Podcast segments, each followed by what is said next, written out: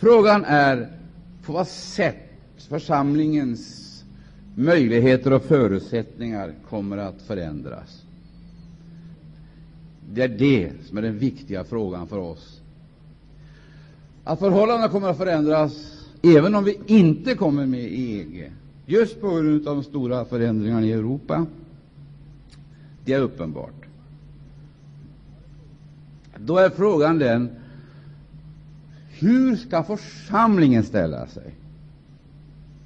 Först rent principiellt. Först rent principiellt utifrån det Bibeln säger. Hur ska församlingen ställa sig? Jag ser det så här att församlingen kan självklart inte vara neutral. Ej heller kan församlingen engagera sig i någon strid för eller emot EG.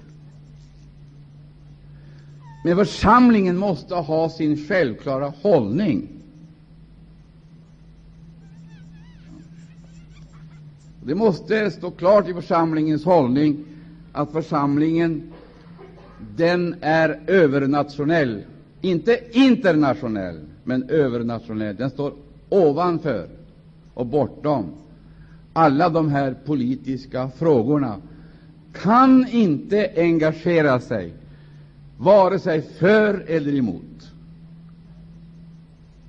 Det är inte församlingens uppgift. Men församlingen har sin principiella ståndpunkt, och den är inte motiverad av marknadsekonomi eller hus, planhushållningsekonomi, vare sig kapitalism eller socialism, det vill säga inte ekonomiskt, inte politiskt, inte kulturellt, ej heller religiöst. Församlingen har intagit en ståndpunkt, en principiell ståndpunkt, utifrån helt andra värderingar och är okänslig för konjunkturerna.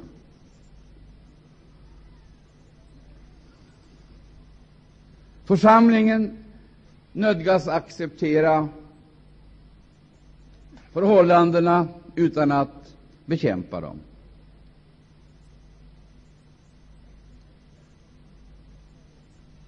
Det är inte lätt att få klarhet i de här frågorna när vi har fostrats till eh, ett annat tänkesätt. Det är inte för ingenting som vi har ett försvar. Vi kallar det eh, ett eh, försvar mot angripare. Och vi har också andra lagar där en kristen absolut inte kan engagera sig, även då staten mobiliserar. En av de frågorna är utbildningen. Det finns lagar som förbjuder föräldrarna att göra vissa saker. Där valet är avgjord från början. Jag måste lyda Gud mer än människor. Det gäller inte generellt, men det gäller klart och tydligt avgränsade områden där man icke kan erkänna någon annan som Herre än Jesus Kristus.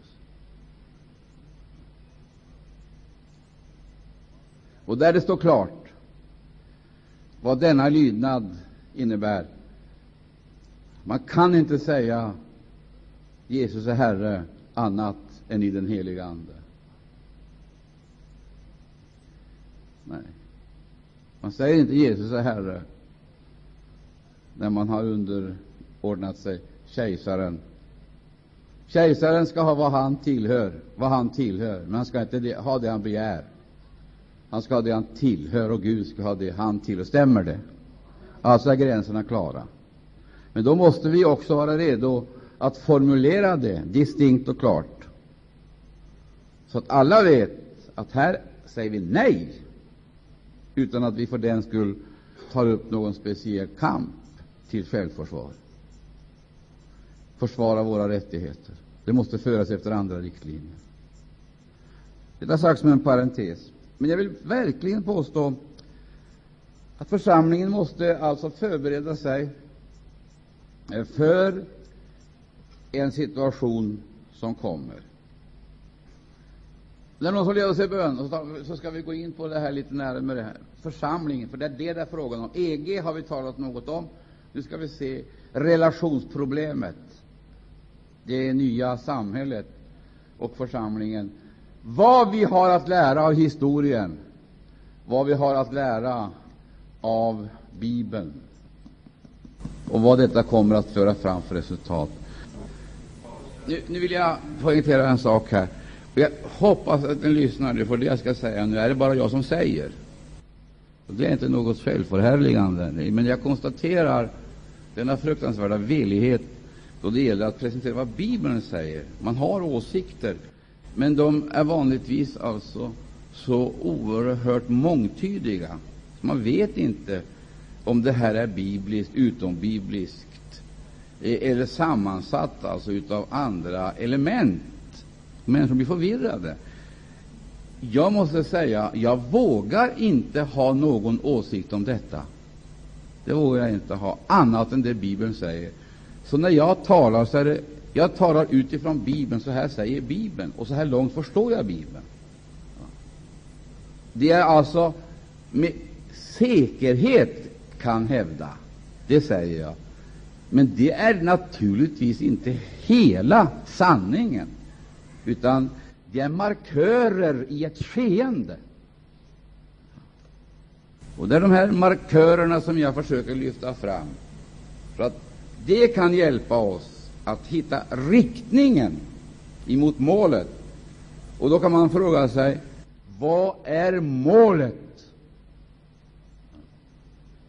Vad är målet? Ja, det är mycket intressant att se och lära känna. Nu ska jag säga en sak som, ju, som är helt oerhört.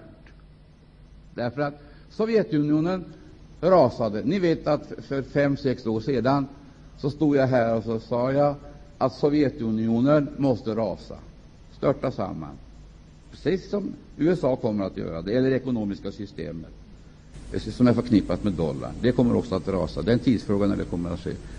Det är mycket möjligt att det kommer att ske snabbt, men det är en tidsfråga när det kommer. Men vi håller oss till Sovjetunionen, för det ligger nämligen till så här. Lyssna nu noga till det jag säger. Om vi läser Bibeln så kommer vi underfund med att det här ateistiska totalitära systemet, som också var förutsagt i Bibeln och som vi har förebilderna till i exempelvis Danielsboken, där vi möter de här olika rikena, världsrikena under olika symboler och förebilder. Ja, de måste eh, avlösa varandra. Det innebär eh, på en och samma gång att ett rike försvinner och går upp i nästa. Sen när vi kommer fram till slutet, då är alla rikena adderat i det sista och obeskrivligt. Det första riket kan beskrivas. Det är ett vilddjur som kan namnges. Det andra riket kan beskrivas, så är det, men inte det fjärde. Det är ett mönster, och det går inte att beskriva, därför att det är sammansatt av alla. Det måste vi komma ihåg. Och nu nöjer jag mig med att konstatera en sak utan att bevisa någonting. Jag konstaterar bara för att komma vidare så fort det bara går, nämligen att det totalitära systemet, det ateistiska, och det totalitära systemet, lika ateistiskt, men med komponenter utav eh, en religion, har en andra, alltså fascismen. både det fascistiska och kommunistiska riket, som ju är väsenslikt i och för sig, men som trädde fram på historiens blad under olika symboler och under olika eh, perioder. Man kan ju säga så här, det är, det är varandras kusiner, så det finns ett släktskap, även om de trädde fram så att säga under olika epoker, olika perioder. Några gånger så uppträdde de nästan parallellt i tiden, Eh, det är självklart ingen tillfällighet att eh, kommunismen trädde fram under det här seklet. Och om vi skulle lyssna på kommunismens appeller eh, så är det ju, det är ju helt fullständigt obegripligt att präster och predikanter skulle kunna föra ett socialistiskt språk eller kämpa för kommunistiska idéer och värden. Det är fullständigt obegripligt. Därför att eh, kommunismen har en tanke som är den mest ogudaktiga tanke någon människohjärna har kunnat uppfinna, och det är folksuveränitetstanken. Alltså, bara på den tanken, folksuveränitetstanken, är hela socialismen avslöjad. Som gudsfientlig, människofientlig. Och det här vi, bör, vi måste säga det här nu, så människor blir medvetna om att detta ateistiska system, det måste eh, fullständigt upplösas och försvinna och avlösas av ett religiöst system som till sin karaktär blir mera totalitärt än socialismen någon gång han bli. Vi måste, vi måste göra klart för oss det är detta som är de stora linjerna i det profetiska budskapet då det gäller nationerna och nationernas relationer, eller församlingens relation till församlingen. Därför att församlingen blir informerad om socialismen. Vi får veta vad det är och hur denna socialism alltså, som går ut ifrån människan, går ut ifrån människan och framhåller människan vara sig, vara eh, sig sin egen Gud. Förklarar att människan är god, hennes sociala förhållanden måste bättras och förändras, och då miljö och eh, samhällsstrukturer och system förmänskligas, humaniseras, då kommer människans godhet att träda fram. Och samhället kommer att utvecklas enligt evolutionismens egna regler. Samhället och människan kommer att bli allt bättre, och hon kommer själv att skapa och uppnå det paradisiska tillstånd som hon har längtat efter allt sedan fallets dag. Nu talar jag om det här rent schematiskt. Det finns detaljer här som är enormt intressanta. Jag nöjer mig med att stryka under en tanke. Folksuveränitetstanken. Det är den i särklass mest ogudaktiga idé som har uppkommit i någon människas hjärna. Där ligger hennes ur, eh, ursprungliga och obotliga längtan efter vad då? Folksuveränitetstanken. Längtan efter att härska. Och jag, jag, jag, jag, säger så här, jag, säger, jag skulle inte våga säga det här till vilken församling som helst, inte ens en kristen församling.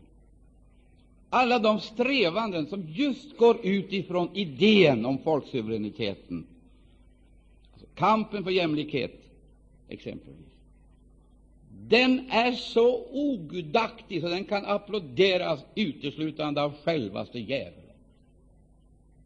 Om man skall se verkligheten som den är.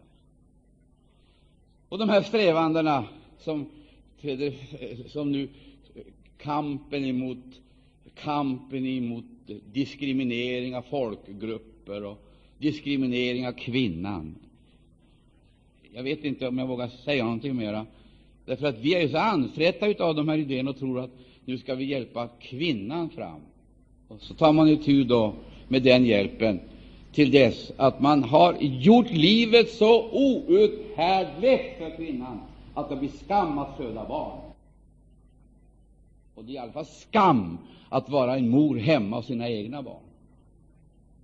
Och man vidtager ekonomiska åtgärder för att bestraffa kvinnan, skicka henne iväg ut som produktionsfaktor i samhället och därigenom upplösa de naturliga relationerna med kommande generationer och ersätta de personliga relationerna med yrkesmässiga. Människofientligheten den går igen på andra områden också. Ungdomsfientligheten. Den här människofientligheten tar sig konkreta uttryck i barndaghem. Det är ett fräckt påstående, men tyvärr är det sant. Skapelsens ordning har ordnat det så för varenda människa som föds till den här jorden att det finns ett barndaghem. Det kallas hemmet, familjen.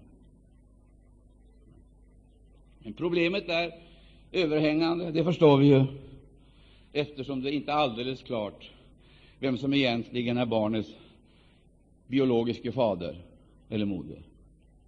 Och då måste det lösas på något vis.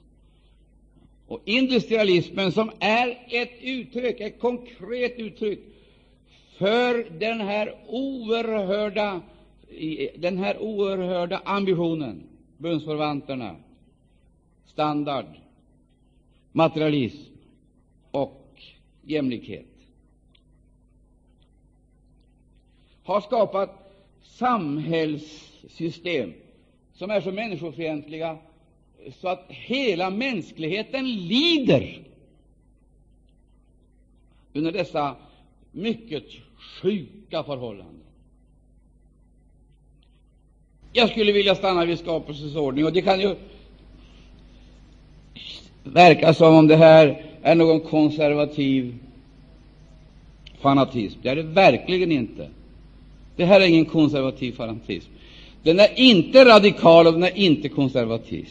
Den är inte reaktionär och den är heller inte konservativ. Den är kristen, urkristen. Har icke några politiska aspirationer, maktaspirationer. Eh, inte. Men den har en vilja, en strävan att hemmen skall bevaras. Barnen skall skyddas i den borg som Gud har gett släktet. Ja, det här var en parentes. Jag hade inte tänkt gå in på det här, för att det här ger ju ingen vila precis. Varför jag nämner det, det är därför att folksuveränitetstanken den är ju upprorisk emot skapelsens egen ordning och vill detronisera Gud och sätta människan på Guds plats. Och därför då skaffar hon sig förebilder och avgudar till dess att hon har nått den punkten där hon själv inte bara gjort sig oberoende, men fungerar som sin egen Gud. Det totalitära system som socialismen har skapat på olika platser på jorden, det har nu störtat samman, och det kunde inte göra någonting annat, därför att detta var alltså en upprorisk, eh, en upprorisk eh, inte opposition, för det räcker inte, ett uttryck för en upprorisk inställning till skapelsens ordning. Ateistiskt, det dog. Och så kommer det nya systemet, som kommer att bli mycket, mycket värre, för det är religiöst i sin karaktär. Och det systemet kallas inte socialism eller fascism i Bibeln. Det kallas babylonisk. Det är Babylon i repris. Och detta Babylon, det har alla komponenterna och alla dimensionerna. Det är därför att kampen som församlingen nu leds in i, det är inte en kamp mot ateismen, det är en kamp mot religionen. Och den som går i bräschen för den kampen, det är den katolska kyrkan. Och hur jag kan uttrycka det med så stor bestämdhet och, eh, och, och så kategoriskt, det refererar jag till Uppenbarelseboken och ber er speciellt studera hon som är moder till skökorna på jorden. Och det står faktiskt om henne, det är hon vadå, som är orsaken till vad då? Upprinnelsen till. Har ni läst det? Allt det onda. Hon är moder till det onda. Då kan vi räkna upp olika områden. Politiken, kulturen, allt detta som har skapat svårigheter och är orsaken till konflikter. Det är hon som är modern. vad, jag nu vill betona, det är det här. Och jag ska strax sluta, för jag känner att jag orkar inte fortsätta. Det här, det, det här är faktiskt en plåga. Det är en ohygglig plåga att peka på det här. För att när jag säger så talar jag inte om en indifferent religion. Det gör jag inte. Man kan tala om människor i vårt land exempelvis som har en politisk uppfattning om demokrati, om religionsfrihet och mänskliga rättigheter. Och de kämpar för det. Men de är trots allt religiöst indifferenta.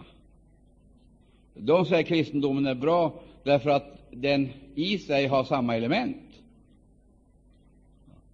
Felbedömningen är ju den att de förstår inte riktigt ursprunget. Det ena har en upprinnelse i människan, det andra har en upprinnelse i Gud. Sann kristendom börjar aldrig med människan och hennes förhållanden. Sann kristendom börjar med Gud. Det är det som är det viktiga. Det är den viktiga skillnaden. Sann kristendom börjar med Gud. Och sann kristendom presenterar grundorsaken till mänsklighetens enorma problem och svårigheter. Det är egentligen inte system och struktur, även om det också hör med till bilden. Ondskan har institutionaliserats under alla tider och perioder, kommer att göra det mot slutet också. Det stora problemet som människan flyr ifrån och aldrig vill ta itu med, och därför hela tiden ägnar sig åt sy symptom och tar itu för att försöka eliminera symptomen med olika insatser, samhälleliga insatser. Grundproblemet, det är synden. Synden, det är cancern som inte botas med deodoranter, politiska deodoranter eller kosmetika. Det gör det inte. Grundproblemet är synden, och det problemet har Jesus Kristus löst på Golgata. Har han det, så säger jag amen. Men det vill inte vare sig kyrkan eller mänskligheten i övrigt erkänna, utan hon håller på hela tiden att med olika typer av eh, med, mediciner bota den sjuka kroppen. Hon lyckas aldrig. Olika terapier, olika filosofier, eh, olika tekniker, meditation och så vidare. Okkultism. Hon försöker med allt som överhuvudtaget står henne till buds eh, för att komma till rätta med symptomen. Grundproblemet är synden, och det har Jesus löst. Och det enda radikalmedlet mot synden är Jesu Kristi blod, säger Bibeln. Så länge vi istället för att ta emot blodet som ett reningsmedel förtrampar, hånar det och löjliggör det, så kan vi aldrig vänta oss någonting annat än de svåra och förfärliga följderna. Och det är det vi ser ta form i tiden. Men när vi nu går emot den yttersta tiden, så skall vi göra den erfarenheten att detta totalitära system, religiösa totalitära system, kommer inte att sakna någonting av det människan längtar efter. Under, tecken, utomordentliga eh, manifestationer, allt kommer att finnas med. Allt. Allt som hör till skenet kommer att finnas med. Det skenbara, den skenbara gudsfruktan kommer att föras med. Vad som kommer att saknas det är korset, blodet, alltså frälsningsmedlen. De kommer att saknas. Frälsningsmedel därför att det är sken av gudsfruktan, men du kommer att förneka dess kraft. Kraften, det är korset. Kraften är Jesu blod. Det är förlåtelsens förutsättning och möjlighet. Det är Jesu blod. Utan att blod utgjutes gives ingen förlåtelse. Blodet är utgjutet. Förlåtelse är eh, ett faktum, men har sin, den har alltså sin förankring i Herren Jesus Kristus. Och det är himmelens frälsningsmedel för blodet är ingenting som människan har framställt, uttänkt eller framställt. Hon kan heller inte värdera det. Det är värdebeständigt, men det är inte människan som har värderat det, är Gud som har gjort det. Han har förklarat att det räcker, och det gäller. Nå, det här totalitära systemet som församlingen kommer att möta, det representerar det mest förföriska, de mest förföriska, vilseledande och pockande och lockande som mänskligheten någonsin har mött på sin flertusenåriga vandring genom historien. Det mest förföriska. Där skulle vi behöva en riktig, grundlig eh, analys. Där kommer hon att möta allt, allt det som kan skapa förvirring, förlamning, som kan paralysera. Och allt detta kommer att vara uttryck för ambitionen att förena mänskligheten. Och därför, när vi talar om EG, så är detta ett led, ett led i den processen. EG kommer att ha en eh, enorm betydelse för att främja mänsklighetens strävanden fram mot denna enhet, makt och härlighet. Sen så kan man fråga om eh, EG är vilddjuret,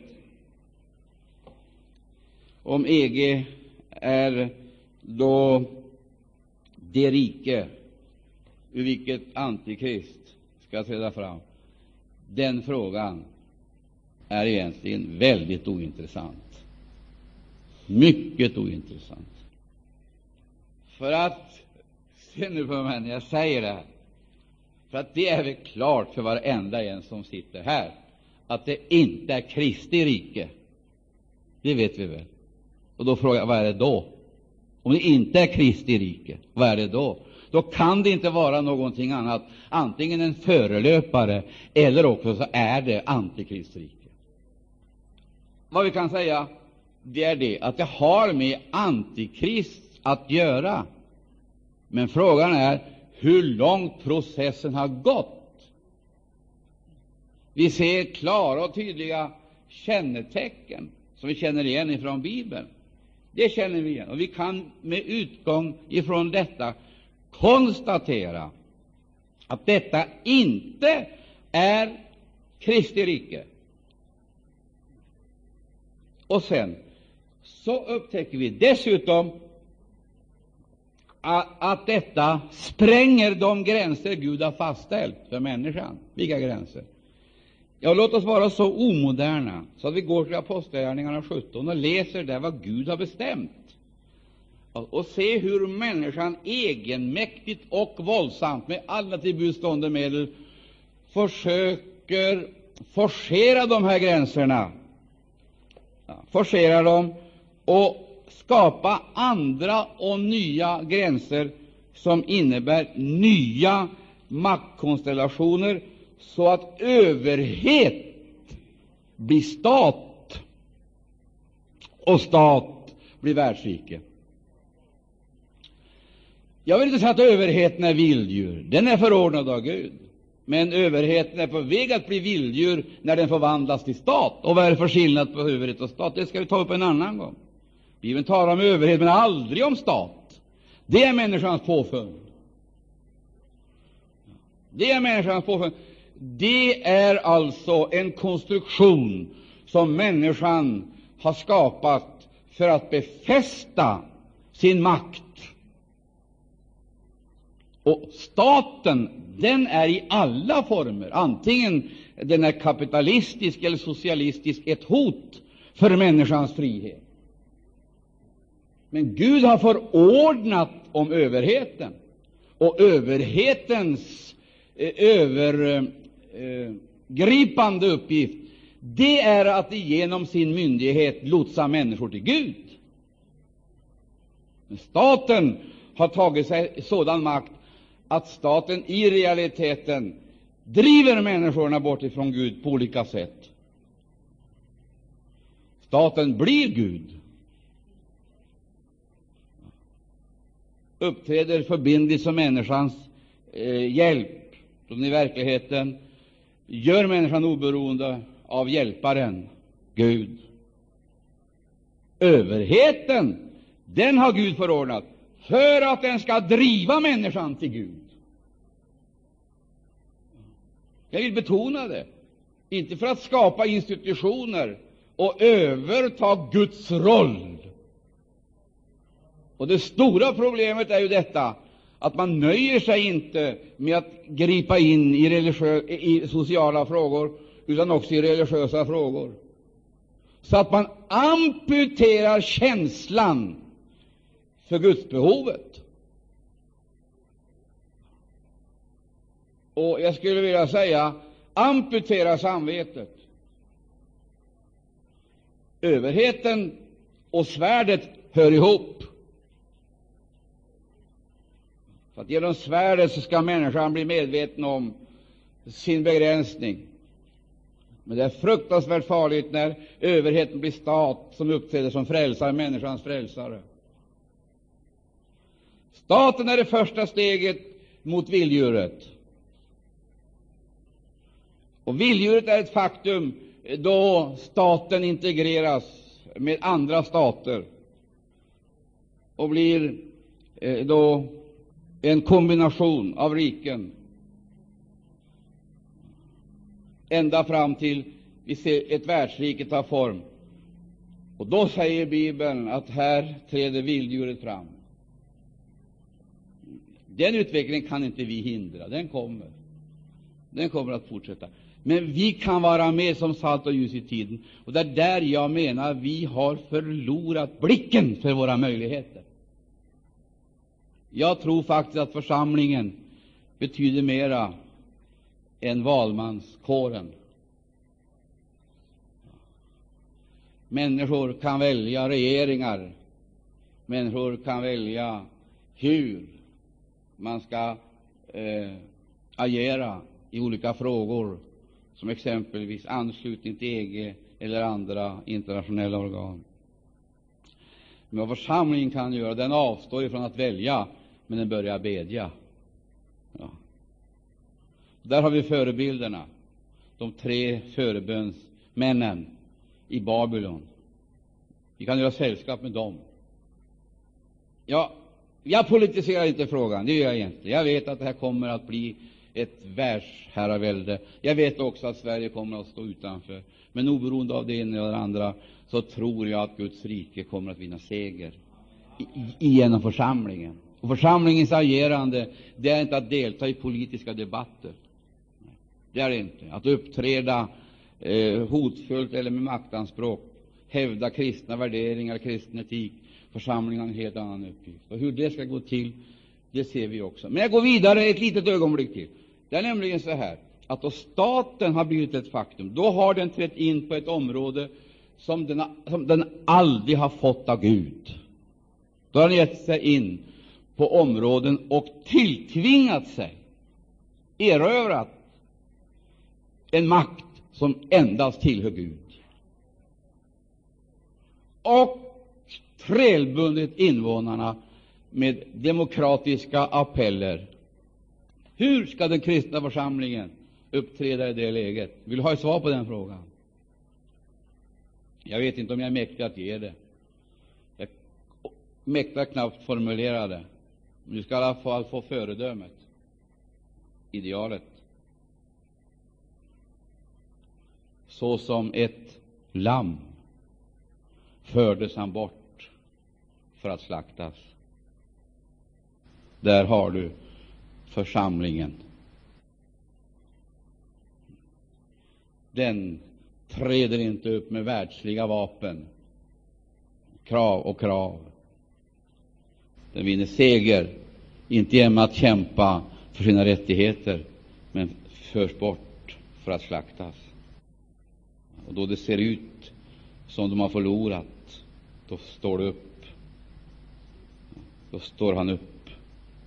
Det vill säga det som ger församlingen kraft att kämpa en sann kamp och vinna bestående värden. Det är inte vad församlingens numerära, ekonomiska, sociala eller kulturella styrka. Det är uppståndelsekraften som mäktigt verkar i det heliga. Och jag har talat om, bara i föregående nämnt två saker. Jag har talat om EG och vad EG representerar. Och så har jag talat om församlingen, vad församlingen representerar. Och jag kan omedelbart konstatera att det finns definitivt ingen som helst, inga beröringspunkter. Det finns inga beröringspunkter. De är helt oförenliga med avseende på ursprung, med avseende på mål, med avseende på medel och metoder. Helt oförenliga, men framför allt med avseende på natur och karaktär. Helt oförenliga. Och vill du veta mer om det här, så läs Psalmen 2. Att inte sitta där bespottare sitta, och så vidare. Läs Psalmen, och så kan du läsa andra bibelord som talar om exakt samma sak. Vi måste komma ihåg att likheterna med romarriket är, är slående. Pluralismen, synkretismen. Hur uppträdde den urkristna församlingen i den miljön? Den uppträdde på ett sådant sätt att den betraktades som fritänkare.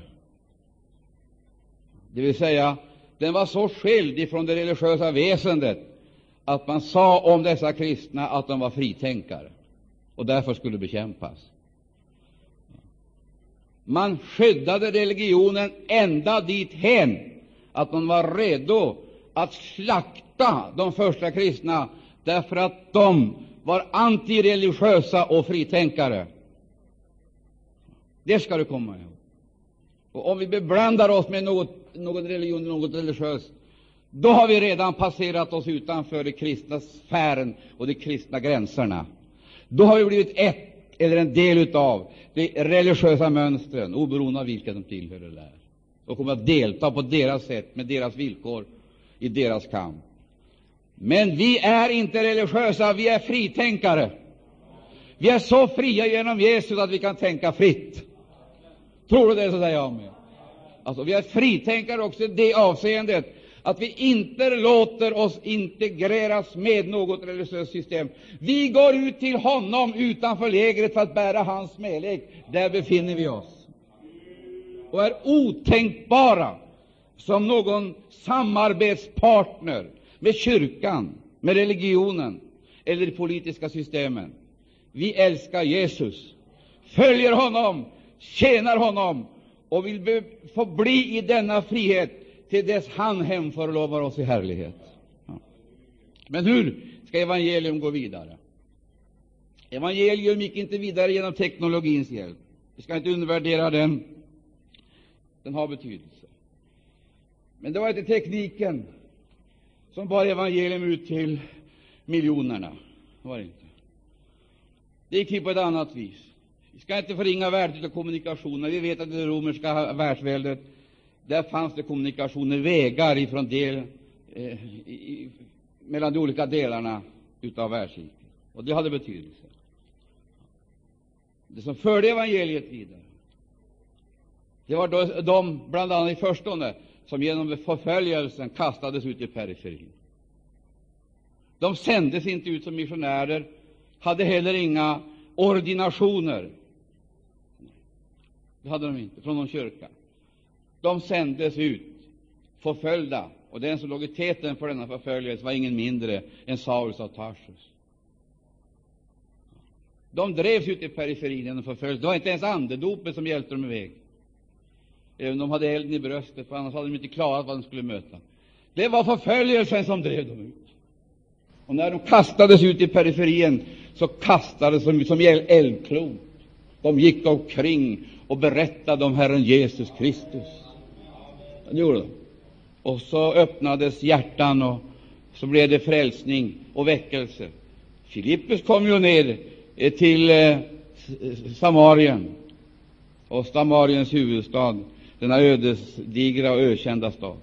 Så predikade han Kristus och folket där, och när han predikade Kristus och folket så blev de glada. Sen så var det affärsmännen som har tagit emot evangelium, och de här, de här karavanerna handelskaravanerna som drog från stad till stad, från land till land. I dessa karavaner där fanns det enskilda män och kvinnor, framför allt män, som hade mottagit evangelium. Och när de stannade på någon plats så såg de sin möjlighet att sprida evangelium. Så väcktes det till liv. Halleluja! Frälsta människogrupper. Karavaner som oannonserade, halleluja, trädde fram på scenen, om jag så får säga, och vittnade om Jesus Kristus. Det var ingen ordnad verksamhet på det stadiet, men missionen gick vidare. Eller också så var det eh, diplomater, som eh, hovmannen ifrån Etiopien, som mötte någon brinnande kristen som överlämnade Bibeln åt honom. När han eh, återvände hem ifrån Jerusalem, dit han hade kommit till högtidernas stad för att fira gudstjänst med judarna, så var det någon ivrig kristen som överlämnade profeten Jesaja åt honom. Han åkte inte flygmaskin ifrån den ena huvudstaden till den andra.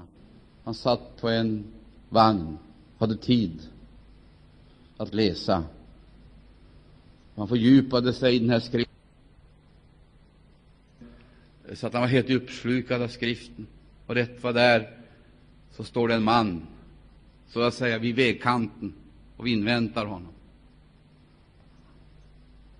Ja, jag, jag, jag, jag, jag förmår inte fortsätta när jag ser hur ivrig himlen är för att nå människorna i världsriket och hur himlen utnyttjar människornas, de brinnande människornas villighet, mobiliserar dem till olika uppgifter och åtgärder.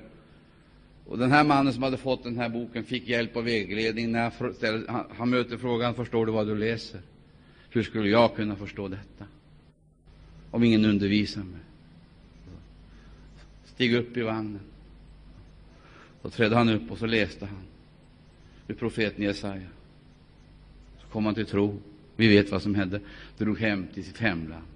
Så blev han en budbärare. Det här kallas för evangeliets kedjereaktioner, som en atomexplosion i Jerusalem, vars kedjeverkningar går ut i hela världen genom enskilda människor som är som atomer, kärnor.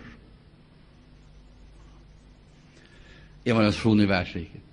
Du, vi är på väg dit nu. Ett världsrike med pluralism, synkretism.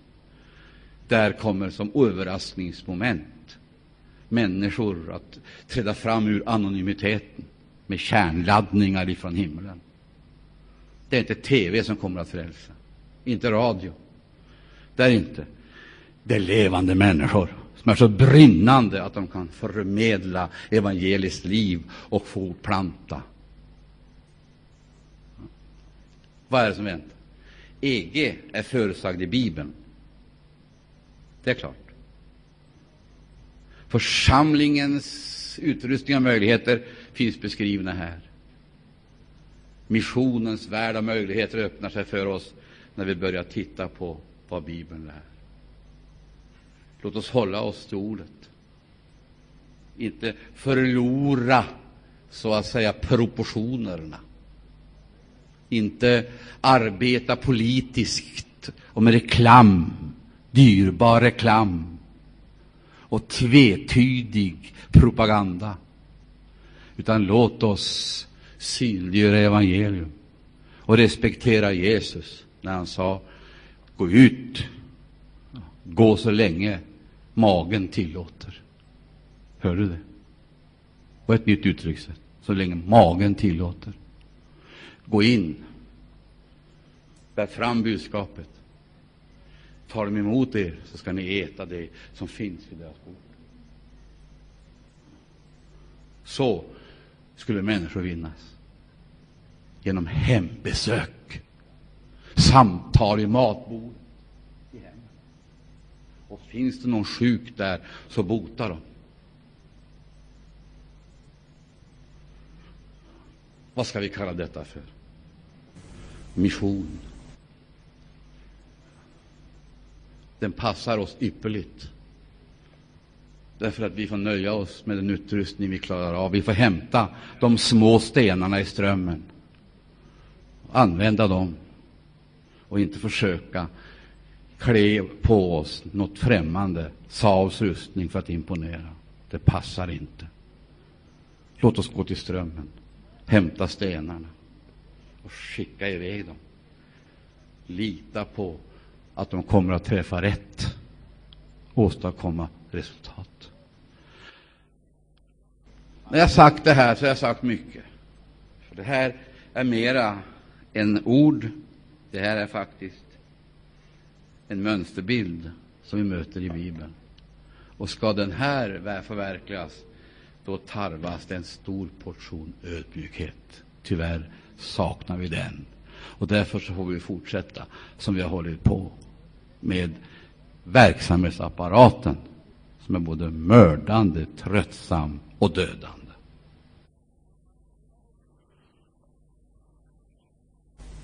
Gud i himlen. Låt mig till sist få säga Jesus lever. Jesus kommer. Och Jesus vill använda oss. Jag vill inte, jag vill inte att vi ska på något sätt försöka att experimentera, men öppna oss, låta Herren få tala till oss. Om vi ska evangelisera i öst eller väst, nord eller syd, så kommer Herren att sända på sitt eget vis. Vi ska självklart inte upphöra att bedja, förbereda och planera, för det gjorde Paulus. Det ska vi inte göra. Men vi ska inte göra oss beroende av tekniska hjälpmedel och andra ting som man idag tror är så enormt värdefullt och som är så nödvändigt för framgång, utan fastmer se till att vi var och en kan fortplanta detta evangelium, ära vare Gud, oberoende av var vi är och hur vi har kommit dit, så är det överliggande. Och det viktigaste att vinna människor för Gud. Den tid vi har kvar. Och så avslutningsvis så refererar jag återigen till Apostlagärningarna 17. Vi säger nej utan att för den skulle ta upp någon politisk kamp emot världsväldena, oberoende vilken grund de står på. Vi vet att det är en del av det världsherravälde som så småningom kommer att kulminera i det antikristiska riket. Och därför så ser vi EG är inte Kristi rike. Det är en förberedelse för, eller kanske till och med en slutprodukt i den process som började redan i urkristen tid genom antikrists ande och genom de antikrister som uppträdde i den urkristna församlingen i urkristen tid. Vi känner igen det. Vi ser det går i repris. Skillnaden är att det utvidgar sig. Det som var lokalt, det blir nationellt och sen internationellt och universellt. Men i allt och överallt så väntar vi det rike som förbliver ska upprättas, Jesu Kristi rike. Det är det vi håller på att förbereda genom vårt arbete och vår kamp. Amen. Amen.